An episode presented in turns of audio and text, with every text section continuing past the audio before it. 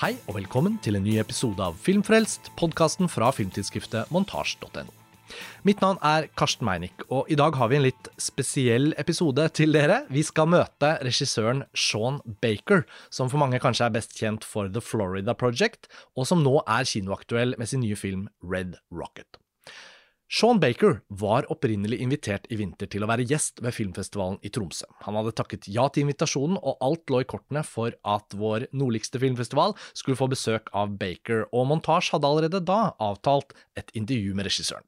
Vi gledet oss naturligvis veldig til å møte Sean Baker. Han er jo en indie-filmskaper som har veldig spennende prosjekter, et veldig interessant formspråk og en holdning til film og filmkultur som plasserer han i rekken av cineaster og filminteresserte regissører som evner å snakke om filmhistorien på en spennende måte. Så vi var godt forberedt, og dessverre var jo da omikronbølgen av koronaviruset den store hindringen, og internasjonale reiser ble igjen satt på vent, og festivalen måtte resignere overfor mange av sine gjester. I etterkant av festivalen så har jo da filmens premiere nærmet seg. Red Rocket kom jo nå på kino i midten av mars, og vi har da i bakgrunnen forsøkt å jobbe med å få et intervju med Sean Baker likevel. Via den norske distributøren så ble det til slutt anledning for å møte Sean Baker over Zoom. Dessverre så ble den tilgjengelige tiden eh, vesentlig kortere enn det ville vært hvis vi møtte Sean Baker på en festival. Så samtalen vår med Sean Baker i denne episoden er ikke mer enn 15 minutter eh, i varighet. Eh, vi har gjort hva vi kan for å prøve å stille spørsmål som kanskje ikke han har snakket om så mye tidligere, og ideelt sett så ville vi jo kunne by på en lengre prat, men det får bli i fremtiden. Det virker på oss som om Baker er en veldig vennlig og omgjengelig person, og han har jo også tidligere brukt sosiale mediekanaler til å promotere ting vi har holdt på med montasje. Så han er ikke en helt ukjent person for oss, men vi, vi skulle jo selvfølgelig ideelt sett likt å ha hatt en mye lengre samtale med han. Når det er sagt, så er jo likevel det å presentere en prat med Baker en uh, ting vi er interessert i, selvfølgelig, og, og håper dere har glede av. Men også under filmfestivalen i Tromsø så lagde vi jo da en faktisk podkastepisode om Red Rocket. Og selv om eh, den episoden allerede ligger eh, i vår distribusjonskanal, altså det er Filmfrelst nummer 486, så tenkte vi at hvis noen av dere nå hører intervjuet med Sean Baker og kunne tenke dere å høre Red Rocket-episoden vår i tillegg, så tenkte vi vi kunne gjøre det litt enkelt ved å faktisk lime inn den eh, praten vi da har publisert i en annen episode, men på en måte for å gi litt mer kjøtt på benet til akkurat denne episoden. Så det blir et lite duplikat da, av Filmfrelst 486, men vi håper dere har glede av det. Så da starter vi med samtalen vi hadde med Sean Baker over Zoom. Han eh, gjorde så godt han kunne for å svare på våre spørsmål. Han eh, begynte også å fortelle litt om hva han selv syns om verdens verste menneske på et tidspunkt der i, i intervjuet. Og når samtalen med Baker er ferdig, så setter vi da direkte tilbake til en ønskereprise, får vi si, av podkastpraten vår om Red Rocket fra filmfestivalen Tromsø. Så da forhåpentligvis blir denne episoden da en liten pakke på det, med ulike elementer. Og for de som ikke vet det, så kan vi jo da kort nevne hvilke filmer Sean Baker da har signert, i tillegg til The Florida Project og Red Rocket, som vi akkurat har nevnt. Han spillefilmdebuterte i år 2000 med Four Letter Words, og den ble fulgt av to andre små independent-filmer, Takeout i 2004 og Prince of Broadway i 2008. Disse tre er eh, ikke tilgjengelig ennå foreløpig, eh, men som vi begynner samtalen med Baker med, så er han i prosess med å restaurere dem. I 2012 kom Starlet, og i 2015 Tangerine. I praksis har alle filmene hans vært indie-produksjoner, og gjennombruddet ble jo da med The Florida Project, som hadde premiere i Directors Fortnight i Cannes i 2017, og, og gikk på kino i Norge i 2018. Så ja, med det som utgangspunkt, så får vi bare sette til praten vår med Baker, og ønske dere god fornøyelse. So, I guess we're all set. Hello, Sean. Hello, how are you? I'm good, thank you. And thank you for being on the podcast, even though we have a limited amount of time. Are you on a West Coast time zone now? I am. I Yeah. am. Well, as many here in Norway know, you were supposed to be the guest at the Tromsø International Film Festival in January, and unfortunately, due to the Omicron wave, a lot of stuff was cancelled, international travel was hampered, so we are sad that you weren't able to attend. But either way, we're happy to have you here uh, for a short talk, and uh, I know that our friends in Tromsø would love to invite you back to the festival at a future date. Definitely next time. Omicron, yeah. Yeah. So hopefully we can put the pandemic behind us now and and let's turn to your new film Red Rocket. Um, before we start talking about it, I just want to mention that to our listeners and readers who want to check out your three first features, we know that you've been restoring and uh, refurbishing them, so they will be released at a future date. And even in social media, Sean, you've been saying to us all that please don't seek out earlier copies of my first films. They are coming. So for me personally, I've been holding back as well, and I, I, I can't wait to see them. Yes, I it, they're coming out. They're coming out, and they're Yeah, worth yeah. the wait because the the quality difference between what has existed Yeah. out there and what is coming out is night and day. I can imagine. We really did spend our time to make the deluxe deluxe restoration. So, uh, thank you for waiting. Yeah, sure. Uh, someone pointed me to the DGA podcast with Lizzie Borden, where there was almost uh, disclosed uh, what label is putting them out. So we are anticipating them with great enthusiasm. So, looking at how you progress through your films since Starlet, I think it's interesting to me that you are reinventing yourself. You're looking for new stuff. You you seem to be such a curious filmmaker. And other filmmakers who are successful, they might look to what they succeeded with and try to repeat that. Uh, in a way, you do that as well thematically, I think, but uh, formally, and you know, you find new casts. You're not depending on a certain actor for every film. You, it's such so much innovation and curiosity in your filmmaking. Yeah. Do you feel like that's something that drives you to to look out these subjects, these environments, these this way to speak a cinematic language? Because it's really interesting to me. Well, I I have to say I'm inspired by filmmakers who always mixed it up. You know, mixed it up from one to the next. Yeah. And again, you know, not too much. I still love identifying a filmmaker's work and saying, okay, that that's that that that works within you know her his you know wheelhouse.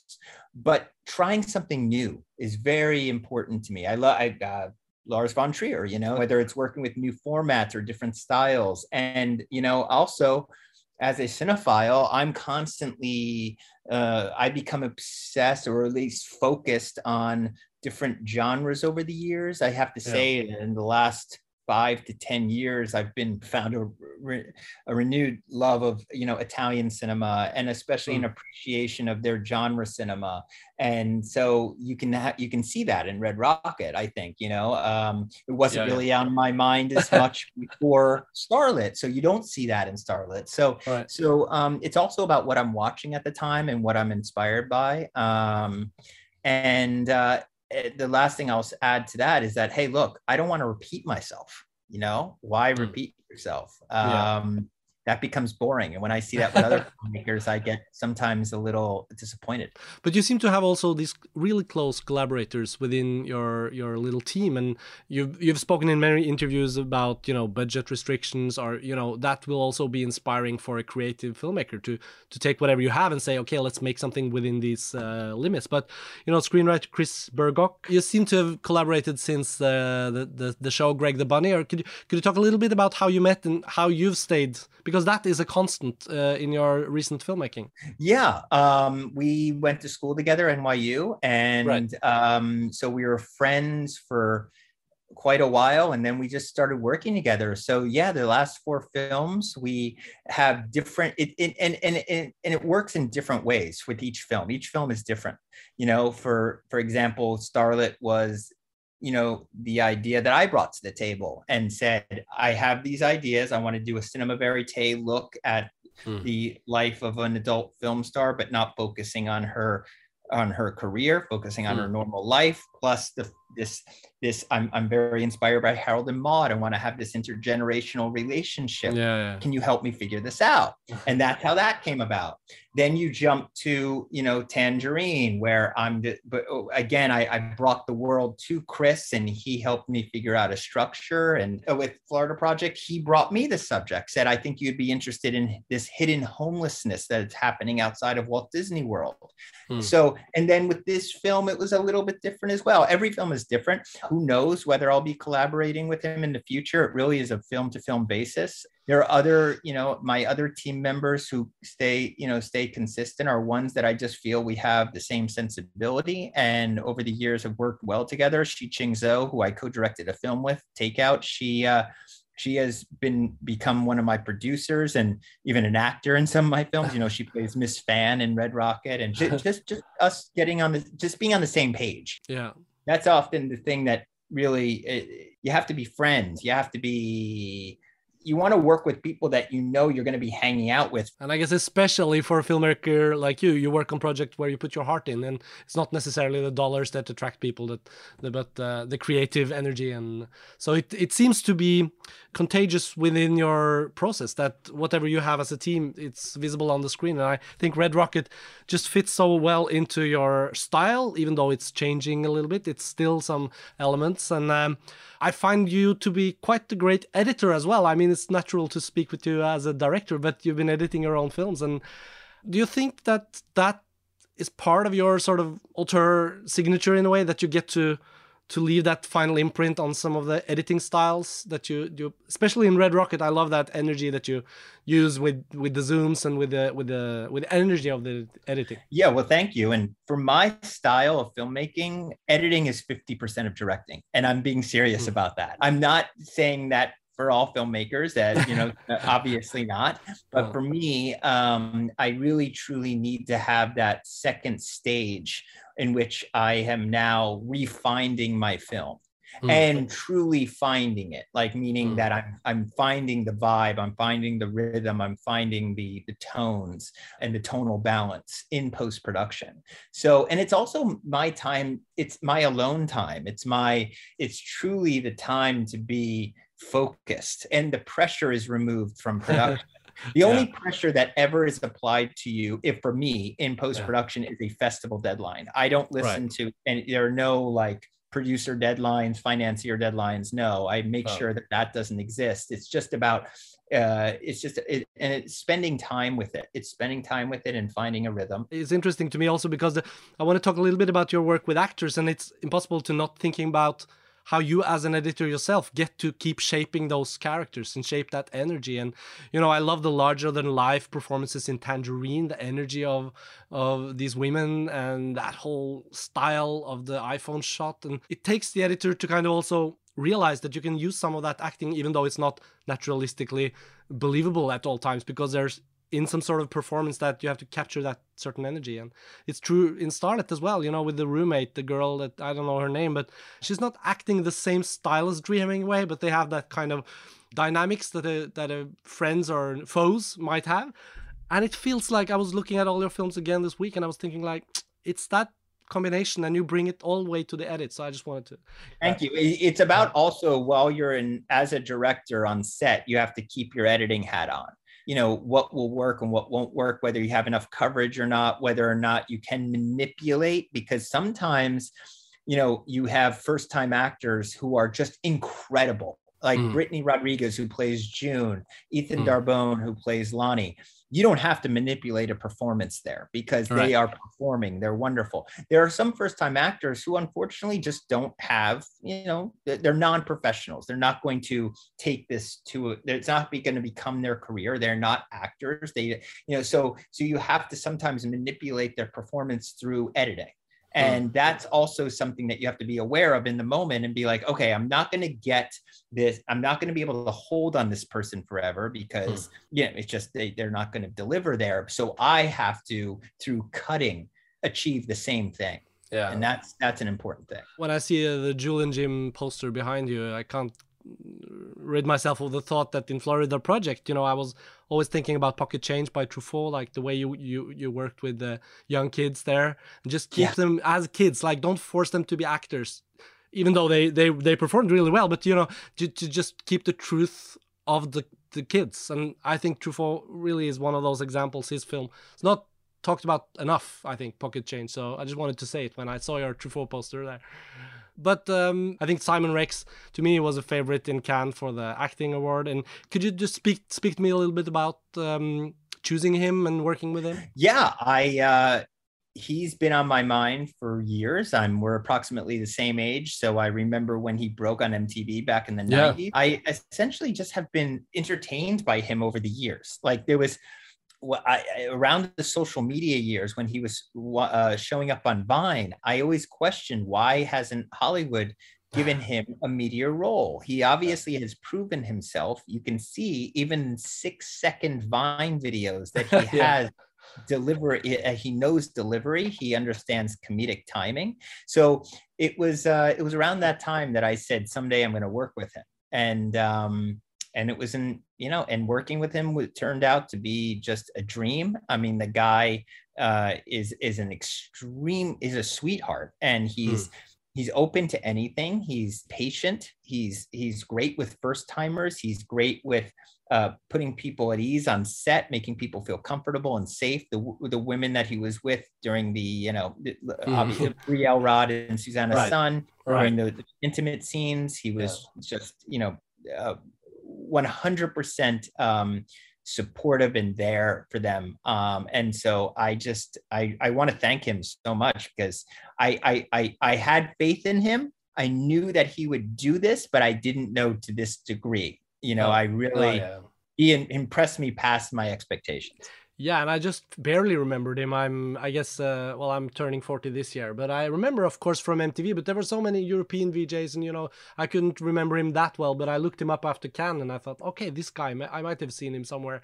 But now I just want to see him in all movies, like put him into anything. And I, I don't know if you're going to work with him again, since you seem to be changing out your your um, you know groups of actors from film to film. But he is starting to get Good. a lot of other roles, Good. so I'm Good. really looking forward to seeing what he does as well. So I was mentioning just briefly. Um, I know that my time is running out. Uh, I was mentioning briefly Joachim Trier. Um, yeah, I love uh, his films, and I love Worst Person in the World. I think it's Great. one of yeah, the best just in the world. Yeah, gonna check if you if if you'd seen it.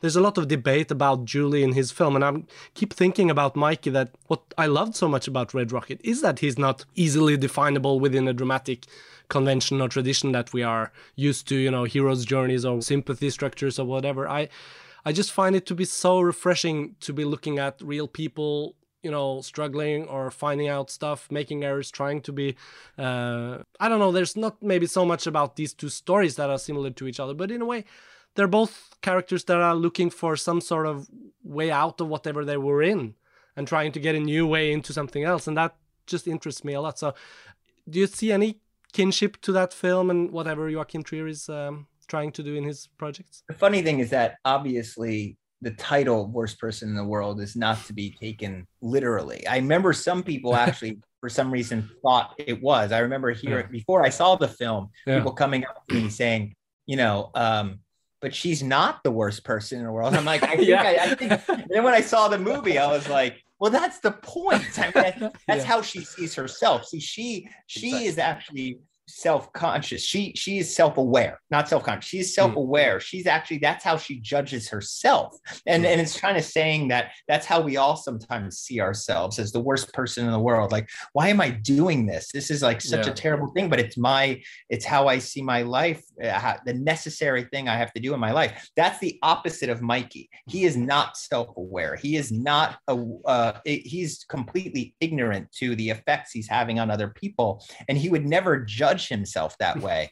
I think so. I think our films are actually quite different. Um, but uh, I think the kin, uh, I think the what the similarity just being that yeah. it is such a, uh, and he does he does this with um, a lot of his films where it's like a, a focus, it's a real focus on one mm. character. I think Mikey, I think Simon Rex is in almost every shot of the film, minus I don't know, my, minus yeah. about 15 shots but um, uh, even though it's not a parallel between the films they've been intertwined in my memory and I, I i saw red rocket again in january and i kept not necessarily thinking so much about it but i think like you know filmmaker i filmmakers i admire and i think they're working on something interesting it's sometimes they just tie together and uh, yeah so i also love the fact that he stays dedicated to shooting on film i consider oslo you know august to be you know such a incredibly moving film and one that's yeah. done really proper in terms of the uh, approach to drug use, which is a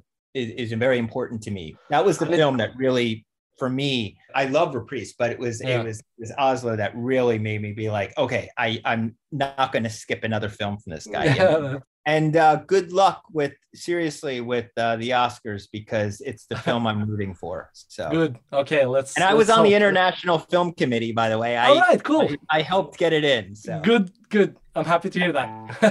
All right. okay. Well, Thanks a lot. All right. Thank you. Thank you. Bye bye.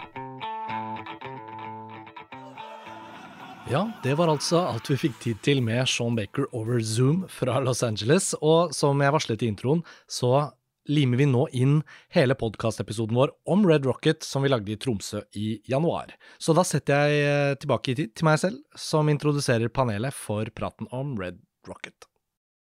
Og med meg til å snakke om Red Rocket så har jeg Roskva Koritsinski. Hallo. Hei, Roskva. Og Live Øra Danielsen. Hei.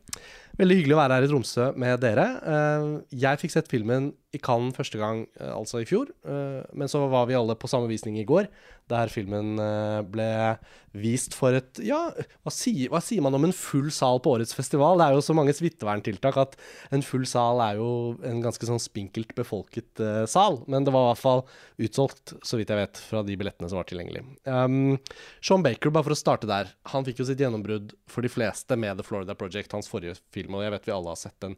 Eh, Live, mm, sånn, en film som The Florida Project hva sitter du igjen med etter den, og hvordan var dine forventninger til Red Rocket før du så den i går?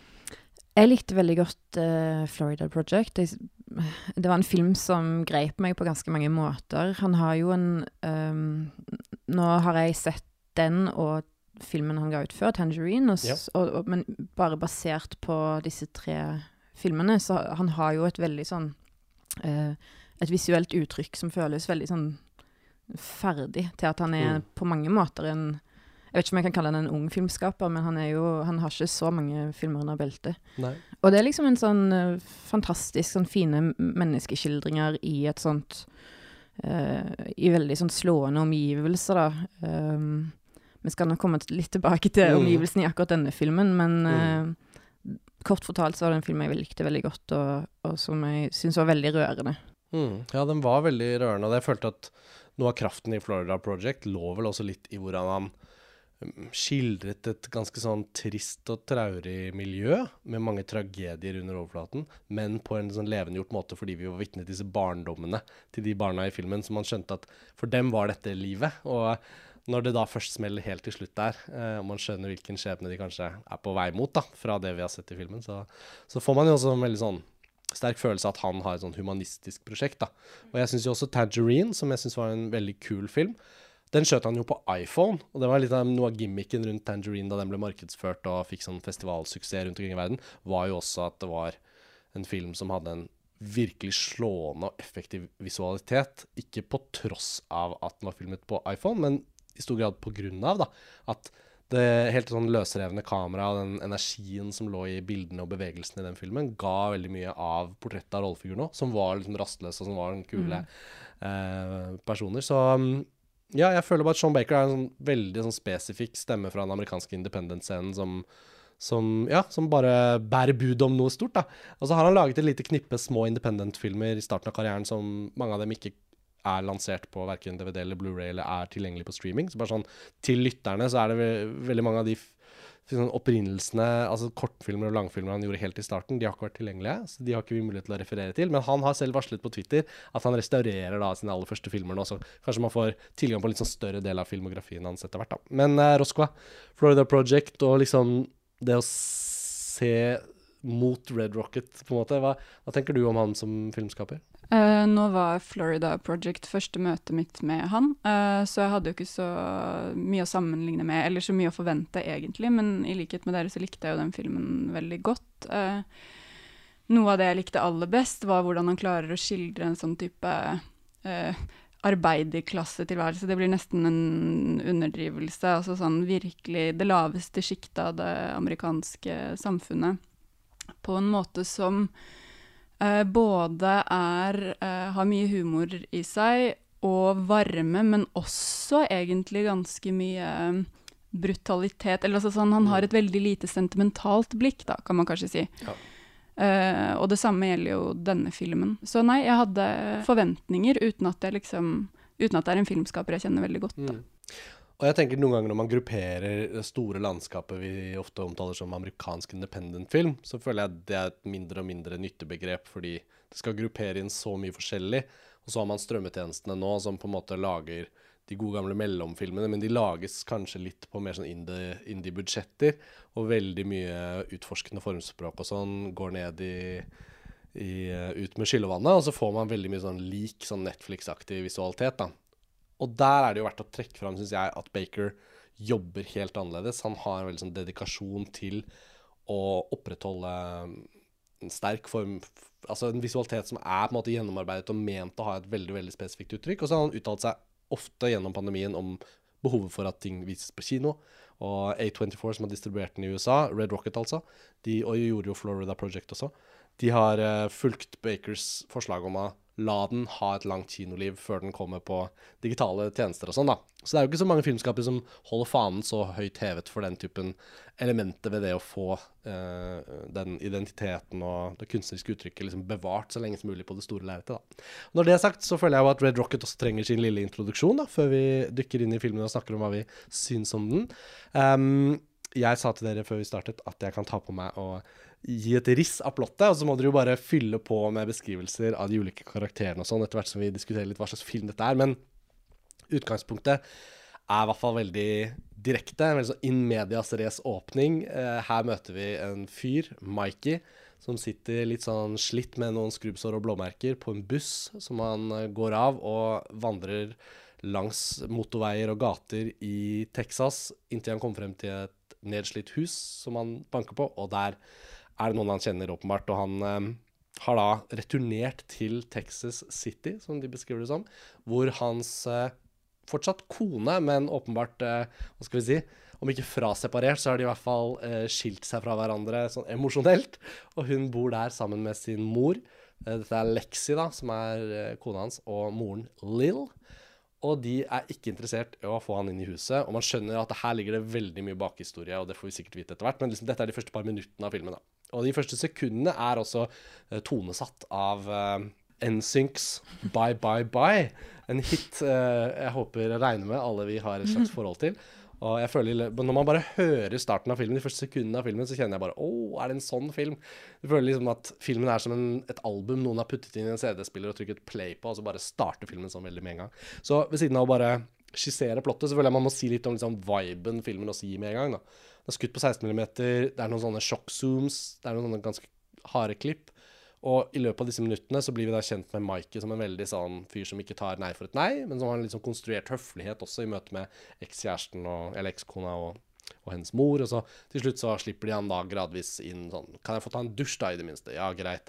Så har han disse blåmerkene. Og så kan jeg bare få sove på sofaen ett døgn, da? Så er det, hva er det som har skjedd med deg? Altså, etter hvert så skjønner vi at han har ikke noe annet sted å gjøre av seg. Og når vi blir kjent med relasjonene og litt hans personlighet, så forstår vi også at filmen skal bli et portrett av en sånn en sånn type hva skal vi kalle det, en litt sånn hustler, en sånn livets uh, uh, gladgutt som aldri har tatt eh, helt et nei for et nei. Og hver gang han ruller ned bakken, så skal han komme seg opp igjen. Og så forstår vi også etter hvert hva hans yrkesbakgrunn er, da. Kan starte der, Eh, så må dere gjerne fylle inn. Livet, du ler litt. Altså, det er jo en film som gir seg litt ut for å være en komedie på én måte. Mm. Uh, det er mye å liksom smile av og hygge seg med i filmen, men sånn som vi beskrev Baker også i forhold til hva han ser på, da, i forhold til klasseskildringer, i forhold til det amerikanske livet lavt nede på den amerikanske liksom, stigen. Hva, hva, hva, tenkte du om filmen der i åpningen, og hvordan liksom ga seg ut for å være um, Altså, den lille byen han kommer til, som jo er den byen Kanskje den byen han er fra, i hvert fall byen, den byen hvor han har uh, blitt gift og, og, levd sitt voksne liv. Uh, det er jo en sånn fabrikkby. Jeg tror liksom det er Texas City eller noe sånt. Ja. Og den er veldig sånn Det er påfallende Noen raffinerier og noe olje. Og ja. det men det er ikke så langt unna kysten heller, så det er vel der. Nei, hvis du kjører litt, så får du noe fine sånn kystlandskap, liksom. Ja. Men, men, der han bor, er liksom midt oppi det fabrikkhølet med alle de pipene og uh, Det er alt Altså, det er en blå himmel der, men det er noe røyk foran den, så du ser det ikke så godt. og mm. Um, og dette her er jo litt sånn som at Florida Project spilte seg ut i liksom suburbsen rett utenfor Disneyland, nesten på en parkeringsplass langs liksom motorveien inn dit, mm. uh, så er på en måte dette Dette er det bakteppet da som karakterene uh, sine skjebner kanskje er spunnet ut ifra. Mm. Um, og det blir liksom ikke Jeg syns ikke det blir for påfallende som en sånn Her, her lever disse menneskene. For at eh, kanskje Ja, den har jo den har en veldig sånn utprega humoristisk tone, og særlig i starten så føler jeg at vi ser en komedie. Han er liksom en sånn golden retriever-mann som kommer Litt med halen mellom beina, riktignok, men han kommer og er liksom ganske sjarmerende, og du, du, spiller liksom litt mer på hans lag ganske lenge, og dette er jo òg litt av um, Litt av det den filmen det er et slags sånn portrett av, av dette barnemennesket som, Mm, som mm. har jobba med ikke så fullt barn, barnevennlige ting. Nei, altså Roscoe er ikke et spesielt barnevennlig univers heller, kanskje vi får møte i filmen. Det er jo noen harde kanter, syns jeg, som kommer til syne ganske fort. Men ja, dette med sjanger, eller på en måte komedien, og dette med hele denne livstrøtte Dette landskapet, da, og denne slitasjen som jeg føler Amerika i større og større grad har begynt å vise oss, både i måte virkeligheten gjennom nyheter og katastrofer og dull. Føles som at det samfunnet står liksom på gyngende grunn. Så får vi også liksom inntrykk her av at um, hovedpersonen er som en slags sånn herre evig optimist som på en eller annen måte bare ikke stopper opp ved hvor ille alt er, men på en eller annen måte bare gir alt en ny sjanse og har tro Han har veldig sånn selvtillit på han i forhold til å, uh, å, å regne med å bli tilgitt av disse menneskene som ikke vil ha, se noe til han og sånn. Mm. Hva syns du om Mikey når vi liksom møter han der? Uh, nei, jeg tenker jo at det uttrykket livet bruker, barnemann, er jo Ja. sånn treffende, fordi han er jo på et eller annet nivå litt uh, uangripelig, nettopp fordi eh, han kan oppføre seg på en måte som man kan betegne som kalkulerende eller, eller kalkulert eller manipulerende, men samtidig så Og det er kalkulert og manipulerende, Mm, men det mm. er kalkulert og manipulerende på samme måte som det er hos en seksåring, da, som har lyst eh, Som vet hva han skal si og gjøre for å få noen i klassen til å gi ham lekene sine. Altså sånn, Mm. Det er ikke en som sitter og på en måte tenker ut hvordan kan jeg skade andre, men det er en som helt tydelig har sine egne setter sine egne interesser først, og som ikke kanskje har en bevissthet om at noe annet kunne vært mulig, da. Eh, at det er sånn han har måttet kanskje leve livet sitt, uten at dette er noe sånn skillingsvise. Men du får en veldig sånn følelse av at det er en person som også har overlevd på den måten, da. Som har bygget livet sitt sten på sten med en sånn type innstilling. At her må vi liksom mm, prøve å få folk til å gjøre det jeg vil at de skal gjøre. Mm. Eh, så så han er liksom verken sympatisk eller usympatisk på en eller annen måte. Man blir liksom sittende litt og, og humre og verken Eller jeg opplevde i hvert fall at jeg verken på en måte heiet på han eller ønsket at han skulle oppleve noe som gjorde at han forandret seg, eller sånn. Jeg hadde ikke så mange ønsker på hans vegne. Uh, og på den måten så er jo filmen, om ikke akkurat nihilistisk, så er den liksom sånn Den er lagd på en måte hvor du ikke sitter og Uh, altså sånn, filmen har gitt opp før den begynner, nærmest. altså i Den skildringen av disse menneskene i dette samfunnet som lever på den måten som de gjør. Det er liksom ikke noe løsning eller noe vei ut, så det blir bare mer å bli med på en fortelling hvor vi ikke egentlig tror at det finnes noen reell forløsning, verken på eh, et helt sånn personlig psykologisk plan eller på et samfunnsmessig plan, da. Og der blir jo også den humoren i filmen litt sånn jeg har kanskje, jeg liker det, men det er også litt problemer med den humoristiske behandlingen av det miljøet og disse personene, da. Eh, fordi det blir også eh, Lever vi av dem eller med dem? Altså sånn Det setter tilskueren i en litt sånn ubehagelig mellomposisjon som jeg på sett og vis respekterer og setter pris på at regissøren gjør, for han har nok noen tanker bak det. Samtidig som jeg også uh, føler på at jeg liksom syns det er noe med den filmen som er litt sånn Det er litt dårlig gjort, på en eller annen måte. Ja, altså, jeg, jeg Ubehagelig mellomposisjon er egentlig det jeg følte eh, var Altså det, det jeg følte jeg satt i hele filmen, på en måte. Fordi eh, Jeg vet ikke om jeg kan forklare hva som skjer litt videre. Jo, jo, absolutt. Altså, skulle noen lyttere nå føle at de har fått en smakebit på hva slags film det er, eller har forventninger til den og gjerne vil se den, så tenker jeg jo at man kan jo gjerne ta på pause og høre ferdig episoden etter å ha sett filmen. Den har jo norgespremiere noen uker. Men det er heller ikke helt en film jeg føler at det skader å vite litt mer om den. Det ødelegger ikke noe av filmopplevelsen, tror jeg. egentlig. Nei, det er ikke en sånn spoilerfilm. Så ja. Nei, for at uh, det, som, det som jo skjer Altså, han får seg jo et uh, Ikke et ærlig arbeid, men han begynner å, å deale weed. Uh, men å tjene litt penger og kan betale husleie. For han ender jo opp med å bli boende hos svigermor og, og ekskona ja. si. Hun Lexi og Lill er jo litt strenge med han, men de lar seg jo også mykne opp når han sier at han skal betale husleia. Og, Ja. vi ser jo at han har talenter da, for denne typen Han- virksomhet. Han har jo det. Eh, Du føler jo at det er noe han har gjort før. Det som jo liksom ligger som et bakteppe litt, er jo at uh, Lexi og Lill, som han bor hos, lever jo i nød, på en måte. Så de er jo De blir jo avhengige av han, de blir avhengige av at han kommer med penger. Um, og dette er liksom bare en sånn liten um, En liten detalj som du liksom kanskje merker deg, men som du ikke henger deg opp i, for det er så mye annet som skjer. Det er en ganske sånn anmassende film. Um, men når, tenk, altså når jeg tenkte over filmen i ettertid, så tenkte jeg det er jo egentlig en det er jo egentlig ganske mange liksom jævlige situasjoner du sitter og ser og Altså Ja, altså det er jo noe rusmisbruk også i spillet her. altså Både historikk og en veldig sånn liten scene, kanskje, men som gjorde veldig inntrykk på meg i går da jeg så filmen andre gang. Var det øyeblikket hvor han ser at hun Lill står ute i hagen og røyker noe heroin. og heroin. Ja. Og så skal han liksom først flotte seg med å si at ja, men ser dere, dere er liksom på kjøret begge to, og hva var det jeg sa? Og så kommer Lexi med det blikket og sier sånn Men mamma har blitt fratatt halve dosen sin på smertestillende medisiner. Mm. du skjønner ingenting, liksom. Da, da følte jeg det juvet mellom hvordan de holder tak i en virkelighet som holder dem i live, er så enormt stort. da. Og Det er også et sånt øyeblikk hvor jeg føler sympatien min for Mikey blir bare sånn dratt vekk under føttene mine. Hvis han har sjarmert oss fem minutter tidligere, så får man noen sånne øyeblikk hvor han Han er også så blind for andres lidelse. da. Ja, og sin egen, på sett og vis. Da. Og det er noe Ja. av det jeg syns er ubehagelig med, med filmen og med humoren, er jo nettopp det at det er veldig lite um, reell sorg eh, over livssituasjonen man befinner seg i, eller over det relasjonelt vanskelige i den filmen. Det er ingen av menneskene som som har overskudd, kan man kanskje si, eller som, som har plass til å liksom være lei seg, f.eks. Altså det er hele tiden en sånn derre Hvordan kan jeg få mest mulig ut av denne situasjonen? Og, og, liksom, og det er jo underholdende i filmen, fordi alt dreier seg om problemløsning. altså Det dukker opp konflikter hele tiden som Mikey må løse, og det er underholdende å følge med på. Men så er det litt sånn, OK, hva sier det eh, at liksom ingen av disse menneskene, til tross for den nøden de lever i, har kontakt med en sorg, da, eh, en smertefølelse.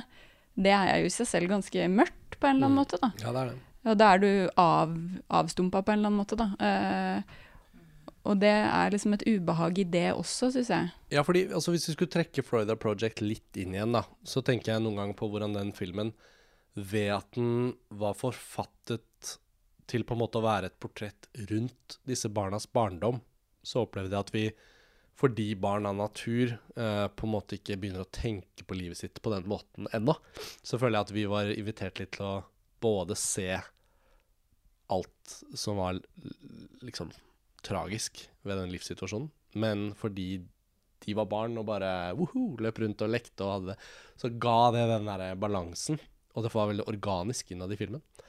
Mens her er vi jo, uh, har vi jo ikke et sånt, uh, hva skal vi si, naivt eller barnlig blikk som kan liksom se skjønnheten i småtteri, bortsett fra hans barnlighet, da. Um, men hans kynisme og hans veltrente liksom hustler-virksomhet, da, den får jo absolutt være i forsetet. Og etter hvert som han også da får et øye for en ung eh, ansatt på den lokale donut-shoppen, som er jo et sånt typisk sånn aktskifte i filmen, hvor man skjønner at han rett og slett på en måte forelsker seg, men også Han forelsker seg vel aller mest i muligheten for en ny start. Uh, I hvert fall etter hvert som vi skjønner hvor det bærer med den relasjonen, så føler jeg at uh, han ser denne jenta, da, uh, Ray Lee, som uh, raskt sier at nei, jeg heter egentlig Strawberry, alle kaller meg Strawberry.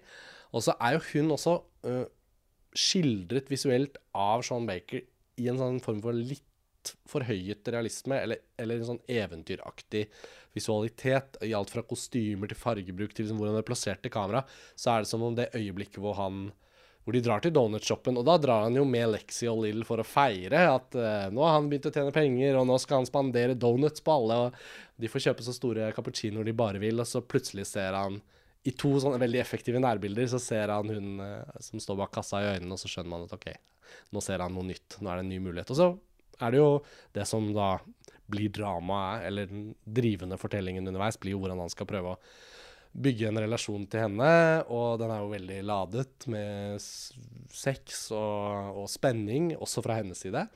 Men også helt mot slutten av filmen så føler man i mer og mer grad at den også relasjonen lever på et sånt litt sånn forhøyet virkelighetsplan. Og i Florida Project så er det jo veldig mye som spiller på liksom eventyret, Disney World, drømmen om et bedre liv som kanskje ikke speiles i du, den faktiske virkeligheten du lever i.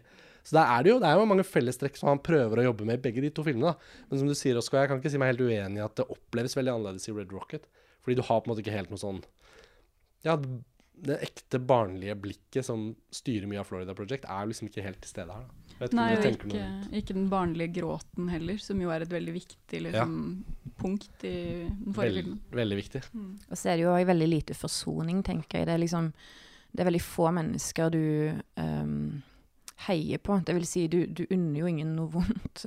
Uh, men det er, jo, det er jo noe med at liksom, sånn som du sa, Oskar, at alle, alle skildres liksom som om de har stivna litt i sin egen situasjon. Det er liksom ikke en, en følelse av at nå, nå er livet mitt dårlig. For at livene deres har antagelig alltid vært sånn, på et eller annet nivå. Altså, eh, mora har gått på Mm. oksykodonpiller siden hun var Altså sånn, det er liksom en sånn uh, Det er bare noe med at sånn, sånn er det der, og det er jo det som er litt eh, eh, pessimistiske, eller til og med nihilistiske synet til Sean Baker i denne filmen. Mm, mm. Jeg tenkte på det du sa med liksom utopien i Florida Project og i denne filmen, hvor jeg også synes det er sånn Det er kanskje noe av det jeg syns var aller mest interessant med Red Rocket, er skildringen av seksualitet. Fordi disse to hovedpersonene, eh, Lexi og Mikey, er jo eh, forhenværende eh, pornoskuespillere. En duo? En duo som har gjort stor suksess. Ja. Og det er en veldig viktig del av i hvert fall Mikeys identitet og selvfølelse. Altså sånn, han skjønner at han ikke kan skrive det i jobbsøknaden til McDonald's, men når han kommer på intervju, og de spør liksom, «Ja, hvorfor har du ikke jobbet de siste 17 årene, så ser du at det er med en viss stolthet da, at han OK, folkens. Greit, jeg skal fortelle det. Jeg er Og så kommer liksom scenenavnet hans, da. eh, og du kan google meg, og jeg har vunnet så og så mange priser for oralsexscener osv. Så, det er jo en veldig sånn, viktig brikke i hans selvforståelse og, og selvfølelse, på en eller annen måte. Uh, og så er det noen sånne veldig Veldig interessante uh, skildringer av uh, samleie, både mellom han og Lexi og han og Strawberry, som er klippet Altså sånn De er altfor korte, på en eller annen måte. Scenene varer ofte liksom to sekunder, og du hører bare sånn et stønn og et skrik, og så er det over, og så plutselig er det noe annet som skjer, som får en utrolig komisk effekt. Men som også eh, gjør liksom den sex eh, eh, Gjør den sexakten veldig sånn underlig. Og det er helt åpenbart at eh, Lexi og Mikey, på en måte når de har sex sammen, så har de sex på den måten man har sex i porno. Altså de skriker og hyler liksom før man nærmest har kommet eh, nær hverandre. Eh, så de har sex med hverandre utenfor kamera som om de ble filmet, og snakker til hverandre på en sånn pornomåte. Og så har du denne Strawberry som, hvor det er en annen form for sensualitet, selv om den også på sett og vis er pornografisk. Altså blikket til Mikey på henne har noe pornografisk i seg, men det er en mykere, kanskje, eh, noe nærmere noe sensuelt, da. Eh, og det siste bildet i filmen, uten at vi skal røpe det, peker jo også på liksom Jeg fikk i hvert fall en sånn følelse at seksualitet i denne filmen er på en måte en slags kirke, da, eller det nærmeste disse eh, personene i filmen kommer en opplevelse av at virkeligheten har eh, et annet nivå, eh, det fins andre tilstander i menneskelivet.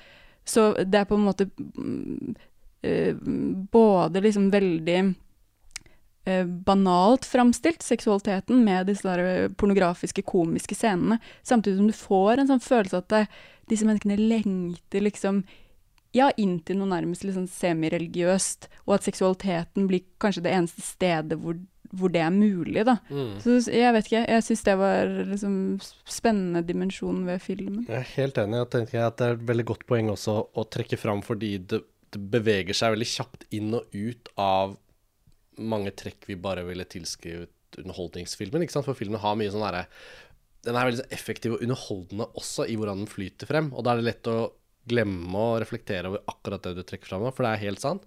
Og det har det er nok ikke tilfeldig, og jeg føler også at um, Der tenker jeg det er verdt å trekke fram et mønster hos Sean Baker. da, At hvis man ser på yrker til rollefiguren hans, helt tilbake til til og med den Starlet som vi ikke nevnte i stad, eh, så er det altså det er sexarbeidere i Tangerine, eh, hun moren i Florida Project skjønner vi jo underveis i filmen.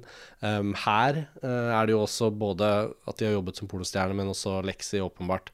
Det er veldig rørende, syns jeg, når Lill stopper opp Mikey der en morgen eller en kveld og sier sånn Du må huske at nå, nå Hvis du har kommet hit nå for å faktisk gi oss en stabilitet, eller sånn, så må du huske på at må passe på oss, du må passe på Lexi, liksom. Jeg vil ikke at hun skal ha kunder her også. Så skjønner man at hun har jo også hatt det innmari tøft etter at hun brøt med Mikey og brøt med pornobransjen og jobbet med sin egen avhengighet og sånn. Så det er på en måte sexarbeidere, alle disse overlevelses, kan man si, da, yrkene eller tilstandene som kan gjøre at noen kan komme seg gjennom en krise når de er på dette planet i livet og sånn. Det går igjen som et mønster i flere av filmene hans, så man må jo vanskelig komme unna å tenke på at Sean Baker har et veldig sånn ønske om å løfte fram da, og gi fortellinger til veldig mange av disse menneskene som lever på liksom, såkalte skyggesiden. Da.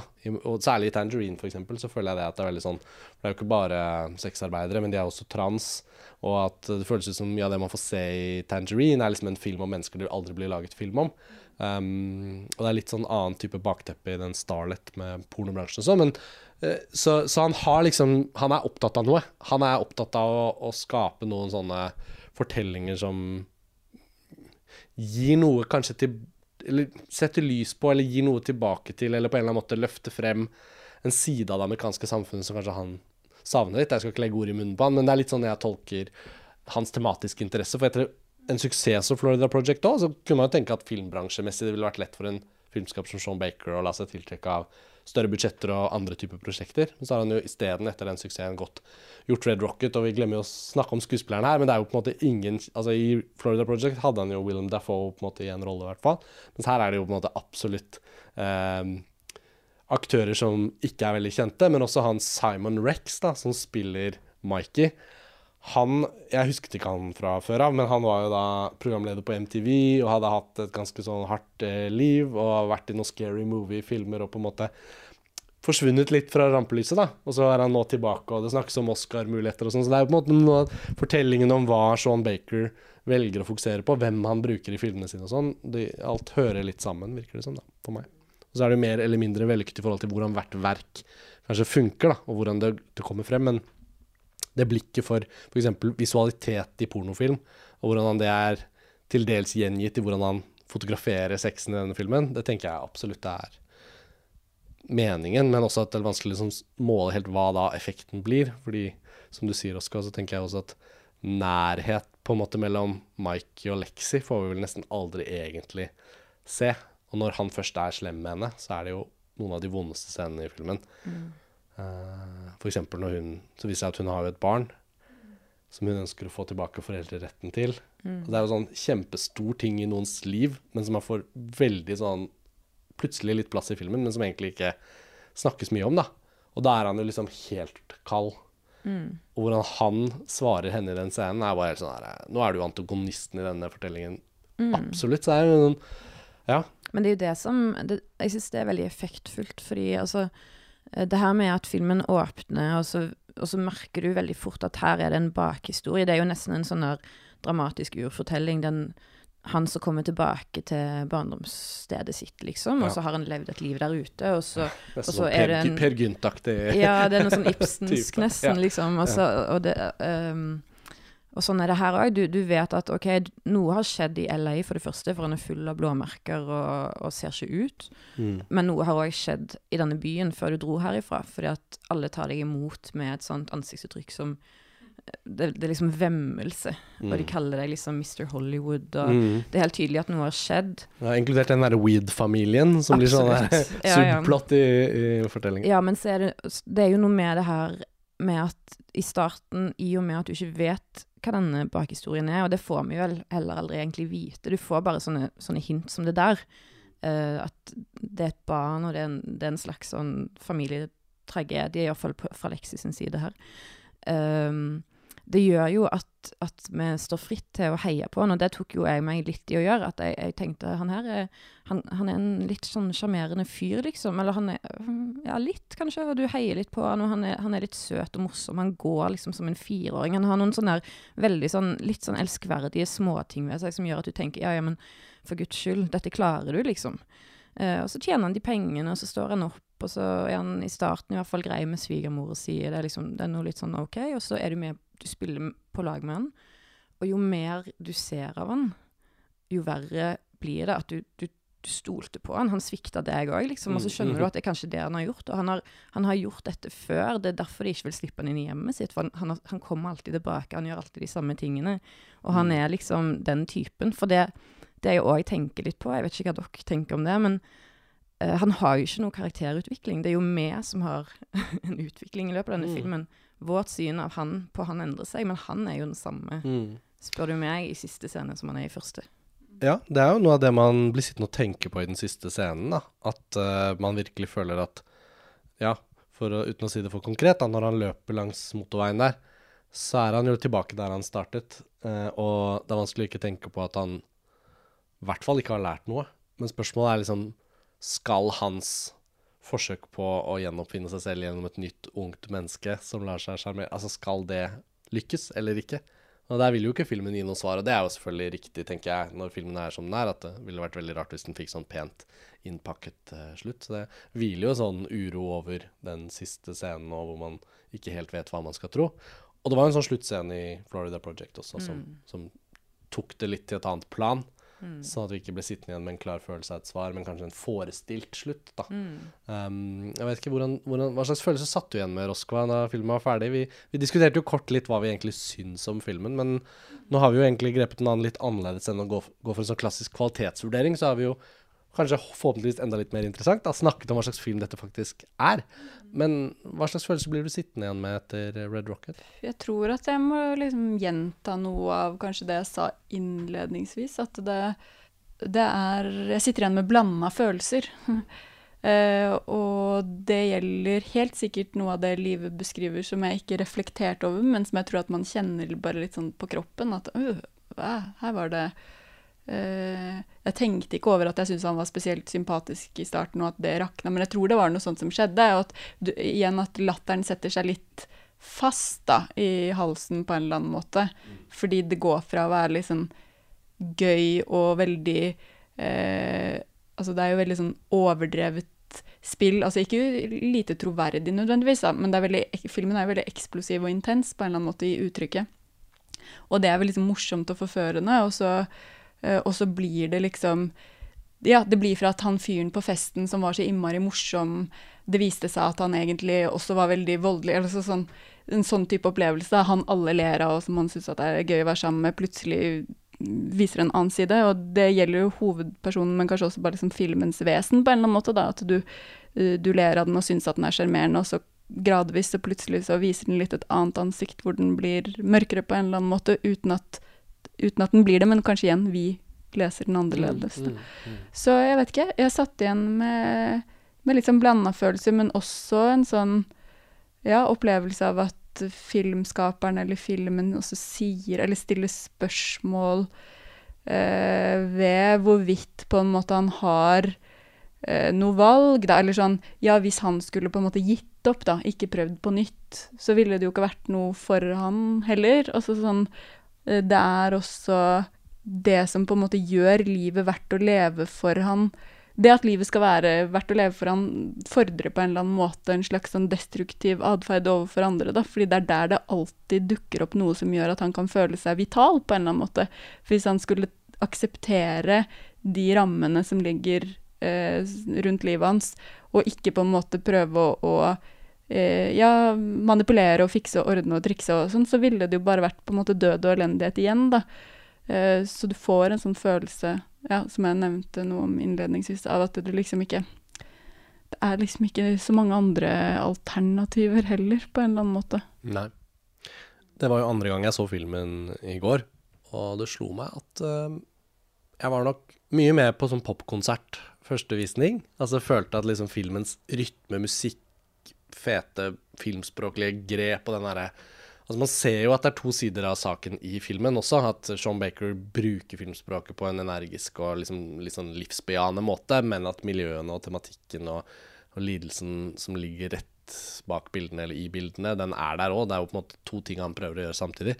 Mens da jeg så den i går, så kjente jeg jo også at altså responsen i salen i Tromsø var i mye større grad at dette er jo også en tragedie. Mens jeg følte kanskje jubelen i Cannes var, var jo på en måte eh, smittsom, da. At man kjenner at liksom det, det taket løftet seg litt. Og jeg tror også mange i Cannes eh, var veldig lettet over å se en film som ikke prøvde å være så politisk korrekt på en måte å fortelle den riktige fortellingen, kan man si. Og det er veldig mye amerikansk film som gjør det, og som har vært preget av det at de ønsker å liksom fortelle gode, riktige, moralske historier. Og det er på en måte noe tvetydig ved hele Red Rocket og Mikey og alt vi får se, som føles forfriskende på en måte. At det kommer fra en amerikansk filmskaper. Dristig, nærmest. Det som ikke var så dristig for fem-ti år siden, er plutselig blitt eh, dristig. Mens nå når jeg så den da igjen, så kjente jeg jo liksom at det Når jeg visste hva filmen var, så var det liksom noe annet som lå der, da. Og da Jeg satte også pris på den veldig denne gangen, så jeg tror liksom at jeg liker filmen veldig godt, men jeg, jeg tror nok at etter hvert som den synker inn, at den er jo uh, ikke det popalbumet som Når liksom filmen ikke er der i salen lenger, men at den bare er med meg, så kjenner jeg jo ikke at det er det den er. Jeg har vanskelig for å si 'å, så fet film', liksom, selv om jeg brukte det adjektivet. Så liksom, det er jo ikke det den er. Den er jo en, uh, også en sånn vi kom så vidt inn på det her på en annen podkast om en helt annen type film. Men sånn der, den Sisyfus-myten som liksom, jeg føler alltid dukker opp i, en del sammenhenger. Det er noe urfortelling over det. Mm. De menneskene som på en måte bare prøver noe om og om igjen. Men den grunnleggende tingen som gjør at de aldri kommer til å lykkes, den kan de heller ikke fri seg fra. Som Mikeys liksom Det føles som Mikey da kommer inn i Red Rocket og overtaler en bonde til å få hugge ned skogen, for her skal det bli liksom, Her skal det dyrkes og bli noe bra og nytt. Og så skjønner han at når han har brukt opp den skogen, så er det ikke noe nytt som kommer der, og så må han bare dra. Og så er det nok en gang liksom svidd jord, på en måte. Og de damene som De vet egentlig at det å slippe Mikey inn igjen nå, det er liksom en veldig dårlig idé. Mm. Men som, som, dere var inne på i stad, altså sånn, hvordan de egentlig har det, er jo på kanten av overlevelse. Mm. Så hvilket valg har de til å si ja eller nei til Mikey? Nå er han plutselig her, og det er bedre enn ingenting. En annen ting som kanskje um, er verdt å nevne, er jo at, uh, at filmen spiller seg ut under uh, valgkampen i 2016. Mellom ja, det er jo en periodefilm. Ja, og det syns jeg jo spiller litt inn på det du sa der med, med en Sisyfos-myte, og det her med å liksom For det en kan si om Mikey, er jo at han er en slags sånn At han, han, blir, som veldig mange andre, da, et sånt bilde på en sånn amerikansk drøm. At, at, hvis han bare høsler nok, og hvis han bare jobber nok, så skal han komme til det stedet han vil. Og det skal være et fantastisk sted, og det skal være LA, og det skal være damer, og det skal være penger, liksom. Um, og så kommer han aldri der, og så er liksom det han kanskje sliter litt med å se, at spillet rigger, og at han går liksom i en loop. Og uh, nå har jo jeg tenkt at jeg egentlig ikke har så lyst til å snakke om Trump og, og det politiske i denne filmen, fordi at mm, mm. det, det tenker jeg at liksom bare ligger som, en, som, en sånn, som et bakteppe uansett. Men der er det i hvert fall en, for meg en ganske sånn klar sammenligning med hvordan Trump kanskje har uh, han, sånn, Det han har lovt til sine velgere, og som de trodde på, som aldri ble oppfylt, det er jo på en måte en slags sånn her De som tror på at hvis jeg bare jobber nok, hvis jeg bare høsler nok, så, så når jeg til det stedet som liksom jeg har fortjent. For sånn fungerer det hvis du er et individuelt menneske mm. som, som, skaper din egen vei, da. Det skal være den amerikanske drømmen. Ja. Mm. Mm. Jeg tenkte også på, bare sånn helt kort, at uh, det er jo faktisk noen paralleller mellom den filmen her og den som heter Zero Fucks Given. Uh, ja som jeg ikke husker navnet på regissørene på. Men... Ja. Emmanuel Mar og Julie Lecoustre. Det vet jeg bare fordi jeg akkurat har intervjuet dem på, på, Filmprat, som er den andre sånn um, Ved siden av at vi gjør podkasten her i Tromsø, så gjør vi også disse videointervjuene som dere kan se inne på montasje. da. Så det er sånn fransk filmskaperduo som har debutfilmen sin her på festivalen. Ja. ja, som var en film jeg likte godt, og som, som også på en eller annen måte handler mye om utopier. Moderne utopier.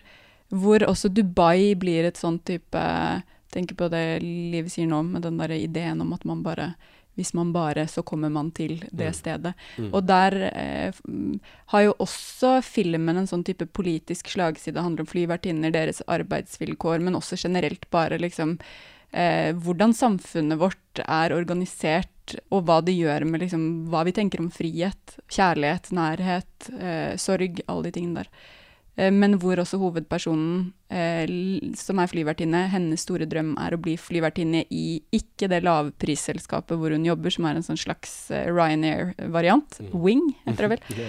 Eh, men i liksom Qatar Airlines, eller hva det heter, altså der damene er liksom ekstra flotte og velpleide og bedre lønninger, og hvor de uh, bor i Dubai liksom mellom flyvningene og ikke på Lanzarote eller Tenerife. Men hvor også hovedpersonen har denne veldig ukritiske, dette veldig ukritiske blikket på sin egen drøm, da.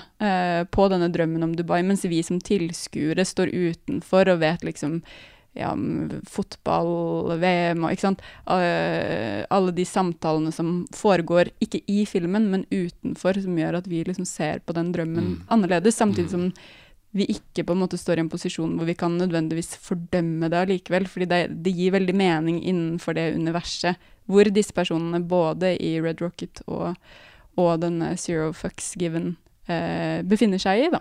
Jeg er enig.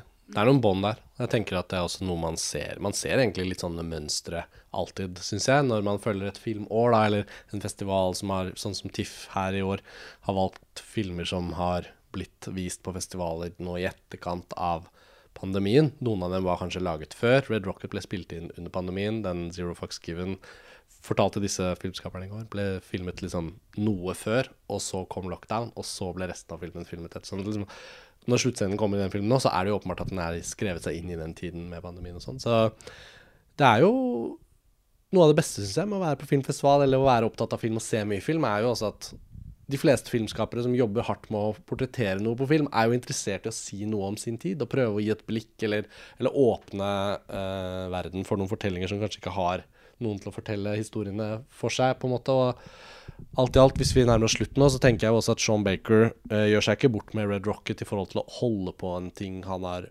vist at han er interessert i og er i stand til å lage film om, pluss at han gjennom denne visualiteten som kommer ut av liksom, kornete 16 mm-rullen som han har liksom dyrket veldig i to filmer på rad nå, og får liksom skiller seg jo veldig åpenbart fra den mer sånn anonyme amerikanske independent-filmen. da.